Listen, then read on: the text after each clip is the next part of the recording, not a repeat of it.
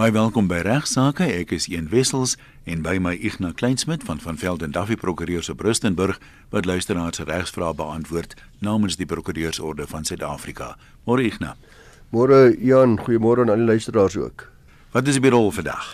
Een 'n paar interessante goedjies. Ek gaan 'n bietjie praat oor vervoer van wildsvleis. Ek wil later bietjie praat oor die beskerming vir verbruikers teen onveilige en swak gehalte goedere, 'n baie belangrike ene, uh, want dit is iets wat veral mense wat nie gelukkig is met hulle motors te koop nie, tweedehands of nuwe motors nie. Dan wil ek bietjie praat oor die Security Kommissie en die wapenskandaal. Uh dit wat daaroor te sê is wat uh regs uh, belangrikheid vir ons het. Julle mond vol. Ja, julle mond vol. Kom ons kom eers te miskien uit by die die vervoer van wildsvleis en dis nog 'n ding wat 'n groot probleem kan veroorsaak en maar net vinnig sê indien jy 'n jagter is wat glo dat die vervoer van karkasse na 'n slagter vir verwerking uh nie baie belangrik is nie, moet jy maar versigtig wees want dit is belangrik dat die korrekte dokumentasie moet die karkas of die wildsvleis vergesel Anders staan jy die risiko dat jy gearresteer en aangekla word. Maar bok wat jy nou net geskiet het, dit mos nie pampiere nie. en natuurlik dat jy dalk nog selfs skuldig bevind kan word aan stropery, jy kan ook beboet word, jou vuurwapens verloor, jou voertuig, alles wat gehanteer was in wat met die daad uh, gebruik was, kan gekonfiskeer word. Want luisteraars, niemand mag gejag op grond waarvan hy of sy nie die eienaar is nie, tensy hy skriftelike toestemming van die eienaar het. Die eienaar se volle naam en adres en al die dinge moet daar wees, die jagter sal weet. Maar tog kry jy nog gereeld mense wat gevang word wat hierdie dokumente nie het nie en ook wat veral karskasse vervoer omdat hulle dink as jy hom klaar afgeslag het. Hy het nou nie meer 'n vel om nie en so, nou kyk jy die vleis mag gou slaggies toe vat, die slagter moet gou vir jou gaan wors maak en sulke dinge. Dan jy nie meer al hierdie goed nodig nie. Maar ons moet onderskei tussen 'n uh, eh, jag op vrygestelde en nie vrygestelde plase. Plase waarop al die natuurbewaringswette en jagordonnansies van toepassing is, is nie vrygestel nie bevrygestelde wildsplaas of iemand voldoende omheiningspermit word sekere aktiwiteite soos jag buite die seisoen of jag van sekere spesies wel toegelaat en sekere ordonnansies vir natuurbewaring is dan nie van toepassing nie. Maar die eienaar van 'n vrygestelde plaas moet nog steeds vir die jagter permit gee om om hy wild te jag en ook om die wildsvleis te vervoer. Nou die besonderhede van die plaas, die spesies, die aantal wat geslag en gejag word moet gelys word. Uh die besonderhede van die eienaar en die van die jagters en hulle voertuie moet ook op die permit aangedui word. So wees versigtig. Jy kan nie ons gaan die jag nou saam, jy die permit, jy die voertuignommer op die permit gesit. Nou sit laai is die vleis op my voertuig wat maar saam met jou daar was. Groot probleem. En natuurlik sê dit spreek van self altyd jou lisensie van jou vuurwapen by jou moet hê. Wetgewing in een provinsie plaas hom baie klem op sekere aspekte van die jag. Dis interessant hoe dit verskil van provinsie tot provinsie terwyl daar in ander provinsies soms totaal geswyg word oor sekere aspekte. Nou ondanks die feit dat jagters 'n jaglisensie en vervoerpermit of verwyderingspermit in die provinsies benodig, word die meeste plase, byvoorbeeld sê in Limpopo, vrygestelde plase van jaglisensies, maar permitte word vereis vir die vervoer van wildsvleis. Afhangende van die provinsie kan jagpermitte en lisensies verkry word natuurlik by vuurwapenhandelaars en hulle sal weet in daai provinsie wat die reëls is. As jy dalk wonder, sê as poskantore, ook provinsiale natuurbewaringskantore en sommige jagverenigings. Nou die toestemming of permit wat die eienaar gee uh op 'n vrygestelde plaas uh tesame met die jaglisensie of nie is al wat die jagter nodig het om die vleis. Dit is nou die bok net soos hy nog geskiet is verwerk of nie verwerk nie te mag vervoer. Maar let wel, ook vleis wat reeds verwerk is, moet jy steeds hy permit hê om daai vleis huis toe te vat. Uh of na jou slaghuis toe te vat. Dis die belangrike deel. Dis ook belangrik daar dat kenners, dat jagters moet kennis neem van die wet op diere siektes.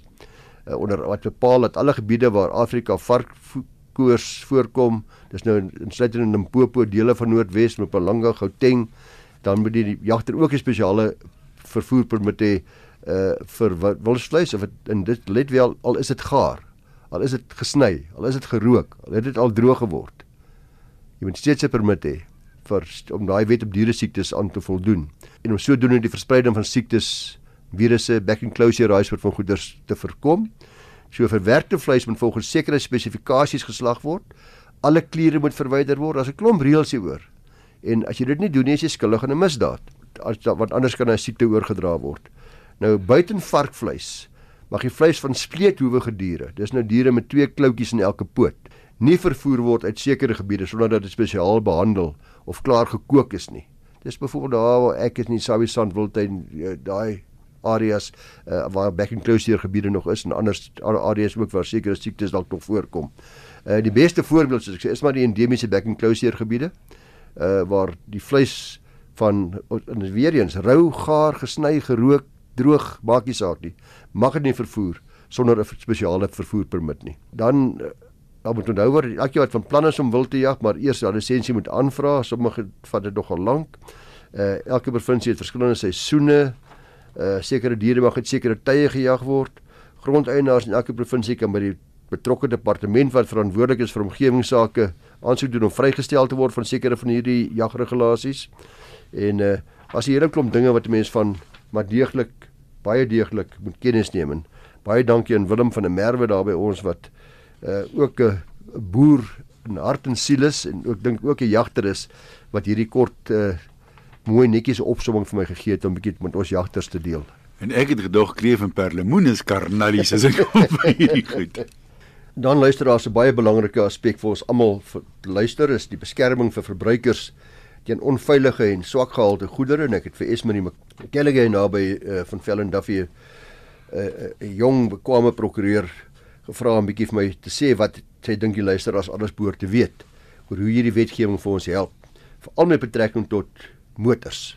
Nou probleme met tweedehandse nuwe motors gebeur feitelik daagliks. Ek kan nie vir sê elke prokureur sal vir u bevestig. Daar is elke dag mense wat probleme het met motors. Ek het eendag net so op 'n ligtertrand met 'n um, internasionale kunstenaar, ek sal nou nie die naam noem nie, 'n onderhoud gevoer. Nou gesels ons so, ek sê net met hierdie suksesvolle loopbaan is daar sekere goed waaroor jy spyt is as jy nou so terugkyk wat jy nie weer sal doen nie. Sy sê ja, sy sal nie weer hierdie fabrikaat kar koop nie nooit. nee, en uh, dis so belangrik dat ons almal moet kennis neem. Ek het nou ek sê so eenmal 'n jaar op hierdie program probeer ek luisteraars motiveer om om seker te maak hulle weet wat hulle regte is in terme van die verbruikersbeskerming. Want daar's geweldig baie goeie beskerming vir ons as verbruikers in hierdie wet en onder andere om ons reeds te beskerm teen foutiewe of swak gehalte van goedere. Artikel 55 van die verbruikerswet verskaf die reg aan verbruikers. En luister mooi hierna want jy moet dit gaan toepas in praktyk. Moenie bang wees nie, die wet is daar. Dit verskaf die reg aan verbruikers om veilige en goeie kwaliteit goedere te vereis en te ontvang. Dit bepaal die volgende: Elke een van ons het die reg om goedere te ontvang wat redelikerwys geskik is vir die doel waarvoor dit aangekoop is. Dat wat goeie kwaliteit het, wat 'n goeie werkende toestand is en belangrik nou hierdie ene, wat vry van enige defek is. Vry van enige, dan moet niks met daai daai item verkeerd wees, moet daai goedere verkeerd wees nie. Wat bruikbaar en let wel volhoubaar gaan wees vir 'n redelike periode met 'n afneming van die doel waarvoor dit gebruik word. Soos 'n motor. Is nie jy koop nie net om 6 maande te gebruik nie. Koop hom waarskynlik om 10, 15, 20 jaar te gebruik. Die normale tyd, ek weet nie wat dit is nie, wat mense dink 'n motor behoort vir jou redelike diens te gee, wat voldoen aan al die relevante standaarde wat gestel word deur die wet op standaarde. Dan bepaal artikel 56 subartikel 2 dat er verbruiker geregtig is om 'n defek goedere, defektiewe goedere terug te neem na die handelaar waar dit van gekoop het binne 6 maande. Let wel, nie 6 dae of 6 weke of 30 dae soos baie mense dink nie. Binne 6 maande na die datum waarop die goedere ontvang is op die verbruiker se koste en risiko indien die goedere nie voldoen aan die vereistes soos vervat in artikel 55, dit wat ek nou nou vir u gesê het nie. Aan die ander wyse dan kan jy moet dit self terugvat op jou koste terugvat na die handelaar toe en die Hooggeregshof het Pretoria het ons se saak aangehoor wat gehandel het oor 'n foutiewe motor wat gekoop is. Dan gaan dit die saak nou vir u verduidelik dink ek wat die effek is van so van hierdie bepaling. Baie handelaars het nou hulle eie administratiewe reëling sê net maar 'n 30 dae periode. Hierdie is sterker as dit. Jy kan nie dit Jan handelaar kan nie uitkontrakteer nie. Dit is belangrik om dit te weet. Eon ja. So die Hooggeregshof in Pretoria het die volgende feite mee gehandel. In Desember 2017 het hierdie verbruiker haar droomvoertuig gekoop by 'n handelaar. Splinternuut uit die boks uit. Nietenstaande het hy het die voertuig uh vir haar groot probleme gegee van die oomblik wat sy die motor die eerste keer aangeskakel het volgens haar getuienis ja. Die motor het geluide begin maak. Dis nou na sy wegry daar met die nuwe met die nuwe motor. Die ligversorging het dadelik nie gewerk nie en toebehore in die in die motor het so erg geskit dat die dakrak selfs op 'n stadium losgekom het. Ja. Die verbruiker het inhoude die motor aan die handelaar teruggeneem om reggemaak te word. Hulle het dit wel reggemaak, die ligversorging reggemaak, die dakrak vasgeplak met gom. Maar miskien jy amper nie indink dat 'n kar nou so kan skud dat dit dakrak loskom Ja. nie. En hulle en, maar so het sy aanhou klaar oor 'n Ja. tydperk en hulle het natuurlik later keelvol geraak vir haar. En toe gesê het jammer, ons is nou klaar met jou. Jy het ons het nou alles wat jy het gevra jy het ons nou reggemaak. Ons kan nou nie verder gaan nie. Uh die handelaar was van mening dat die kar nou in 'n goeie werkende toestand is, dat hulle alles herstel het wat hulle kon en uh, toe die verbruiker besluit sy gaan dit nie so aanvaar nie en sy het hulle hof toe geneem. En die hof het bevind dat die doel van hierdie wetgewing, dis wat ek nou nou vir u gesê het, is juis om verbruikers te beskerm in presies hierdie tipe situasie wat hierdie dame ondervind het. In hierdie geval het die voertuig net te veel defekte gehad vir 'n nuwe motor om mee te begin. Verwag jy hierdie tipe van die defekte by 'n nuwe motor nie? Uh sê die hof, die verbruiker is in terme van die verbruikersbeskermingswet geregtig daarop om op 'n veilige motor, 'n goeie kwaliteit motor wat soos 'n nuwe motor geen defekte behoort te hê nie. Sy was ook geregtig om die defekte van die motor binne 6 maande terug te neem aan die handelaar en haar geld terug te kry. Al die defekte nie kan herstel nie. Uh, die hof het bevestig dat die howe 'n baie streng benadering. Dis belangrik luisteraars. Die howe is aan ons kant. Die howe is aan die verbruiker se kant. Geen twyfel daaroor nie. Howe hierdie hof sê dit uitdruklik. Baie streng benadering moet volg teenoor handelaars wat verbruikers die hof gebruik die woord boelie of dwing om die goedere te aanvaar en dan die saak in die hof probeer verdedig met 'n swak verweer of valse verweere en allerlei storieetjies te hê. Sê die wet is duidelik, meneer. Jy kar as dit nie werk nie, moet jy geld teruggee of dit so maak dat hy behoorlik soos 'n nuwe kar funksioneer. Artikel 56 sê die verbruiker kan die kar of die foutiewe goedere, dat ek praat hier vir 'n nuwe kar, dieselfde geld ook vir 'n tweedehandse motor. 'n bietjie ander reëls geld daar want hy word nie dieselfde beskou nie, maar die defekte moet herstel word om dit terug te gee aan handelaars. Dis belangrik vir verbruikers om nie te lank te wag om 'n regsadvies in te win nie. Uh so dien nie sukkel met 'n defektiewe produk en en en en jy kry nie wat u dink u behoort te kry wat diens betref by die handelaar wat hom nie regmaak nie behoorlik reg maar binne 6 maande moet u stappe neem. Want na 6 maande kan hom nie weer terugvat nie. So is belangrik dat u mens gou as moontlik na 'n prokureur toe moet gaan. So die vrou kon hom wel nog teruggee. Ja ja, hierdie vrou, hierdie die hof beslis dat die die sy moet haar geld terugkry ten volle vergoed word. Oorwinning vir die vir die klein man soos hulle sê. En ek weet jy's iemand wat baie gereeld en baie noukeurig jou koerant lees. My gesprekke met jou kom ek agter dat jy goed ongelukkig is oor wat in die land in die gang is. Jy sal weet dat daar baie gesê was oor die Seriti kommissie. Ja. In 2011 is hierdie kommissie onder voorsitterskap van regter Willie Seriti deur oud-president Jacob Zuma aangestel.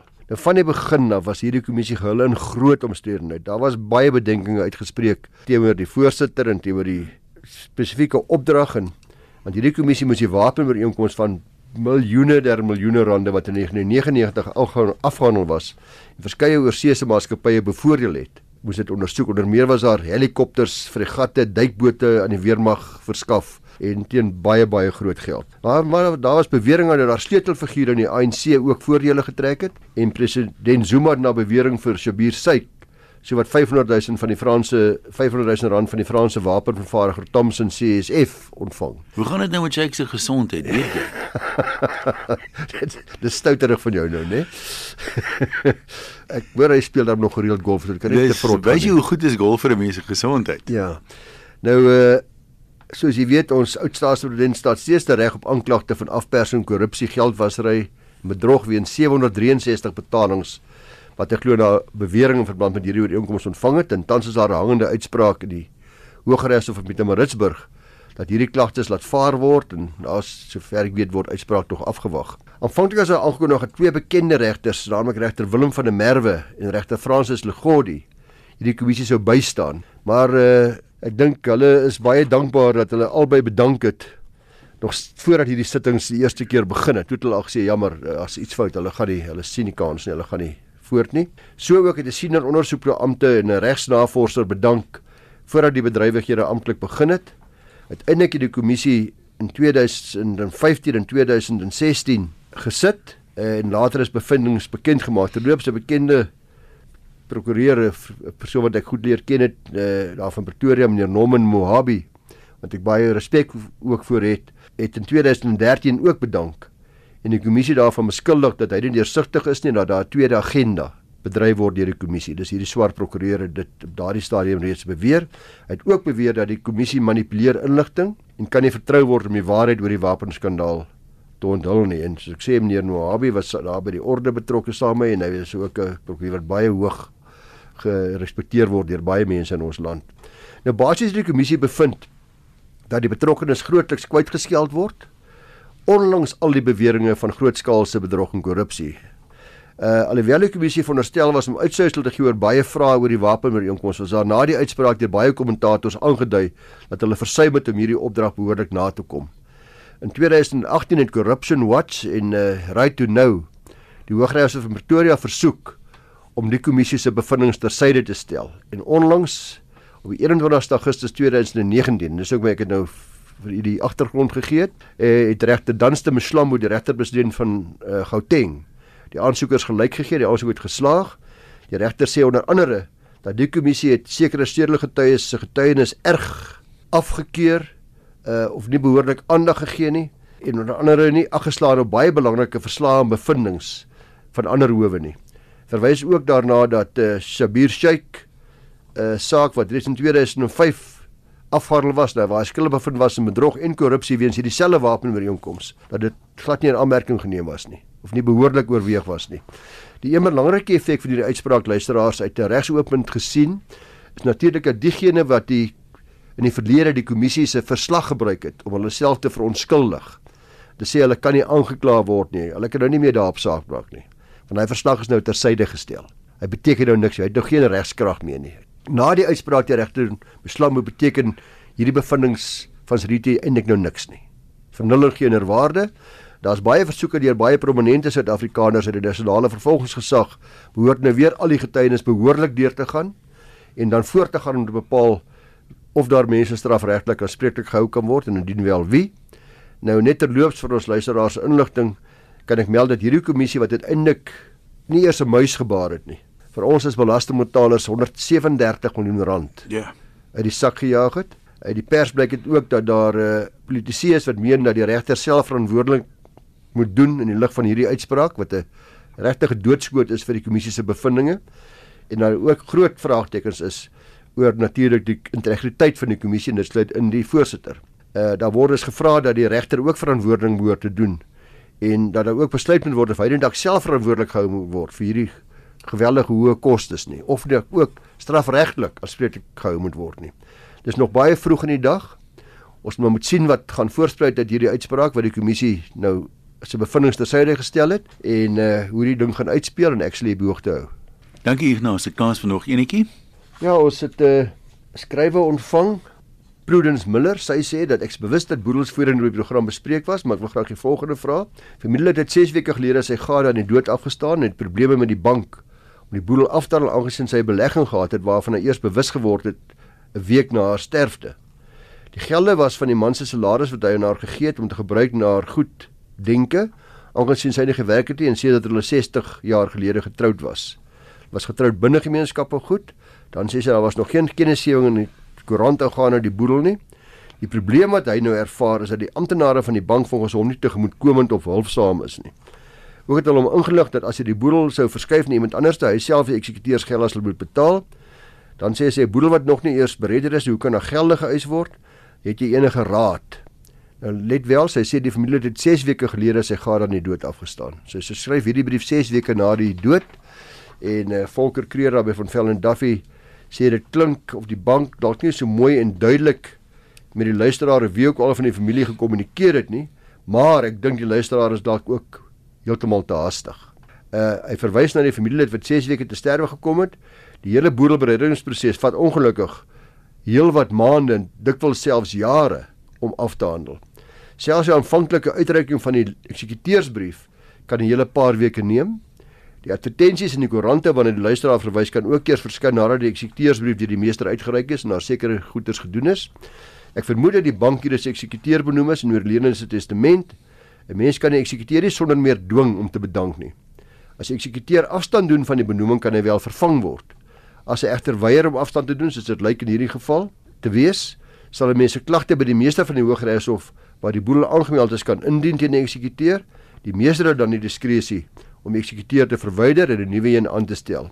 Maar met al die feite wat die luisteraar verskaf, sê Volker en stel 100% met hom saam, twyfel ek of die meester wel die bank sal verwyder as eksekuteur. Dag binne luisteraar is maar weer met die bank kommunikeer.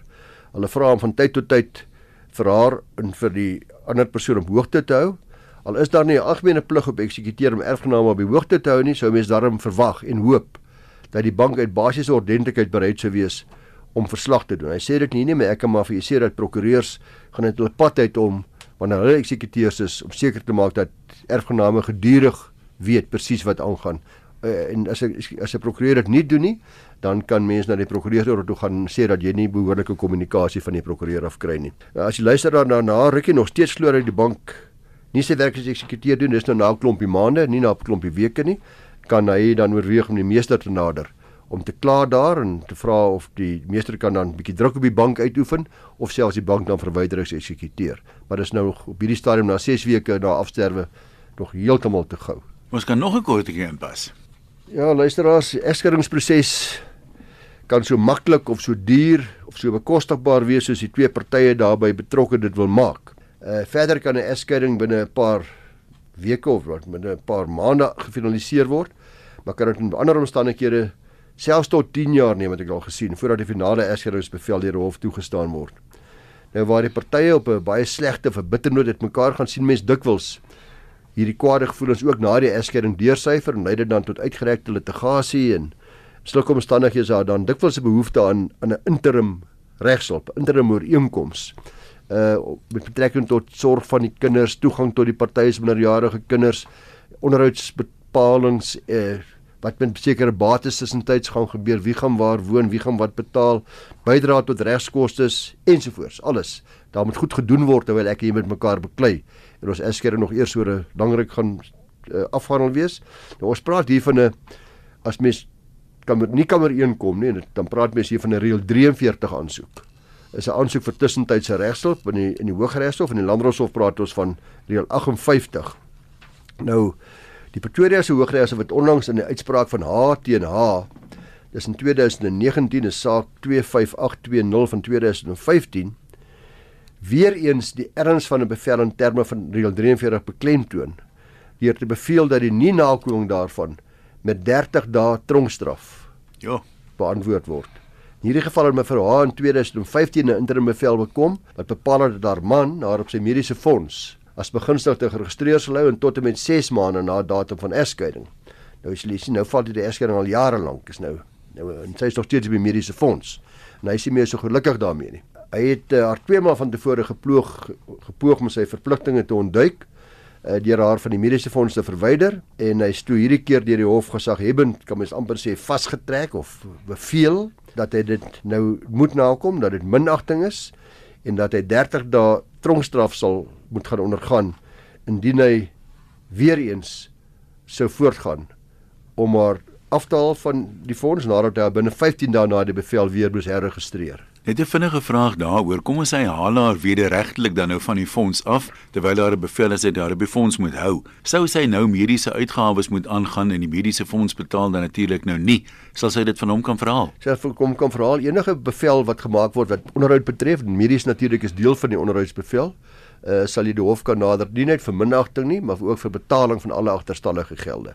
En soos ek al voorheen gesê het, uh, wat belangrik is, jy kan dan ook 'n uh, lasbrief uitreik en beslag lê jou bates ter verhaling van die agterstallige gelde en anders as met enige ander siviele eise kan jy in hierdie geval ook beslag lê op sy pensioenfonds. Hmm. Want dit is dikwels al wat die ander uh, gade het sy pensioenfonds wat jy maklik kan wat jy nie wat nie weggesteek is nie wat jy maklik kan vind. So dis ook goeie advies om altyd dit dat iemand onthou. Nou uh, in hierdie geval soos ek sê deur sy herhaalde minagting van reël 43 bevel, het die hof later geen ander opsie gehad as om inderdaad maar te beveel dat hy 30 dae tronk toe moet gaan nie. Onthou ook dat dikwels is dit so dat die vrou of die ander party is veral kwesbaar en afhanklik van lidmaatskap van 'n mediese fonds wat hulle nie self kan bekostig nie. In hierdie geval het sy ook voorheen terloops aan ernstige hartkwal gely. Sy was 'n kroniese medikasie wat wat duur was en uh die hof sê en dit is belangrik luisteraar dat ek net weer vir u sê as u 'n bevel het wat u sukkel om na te kom.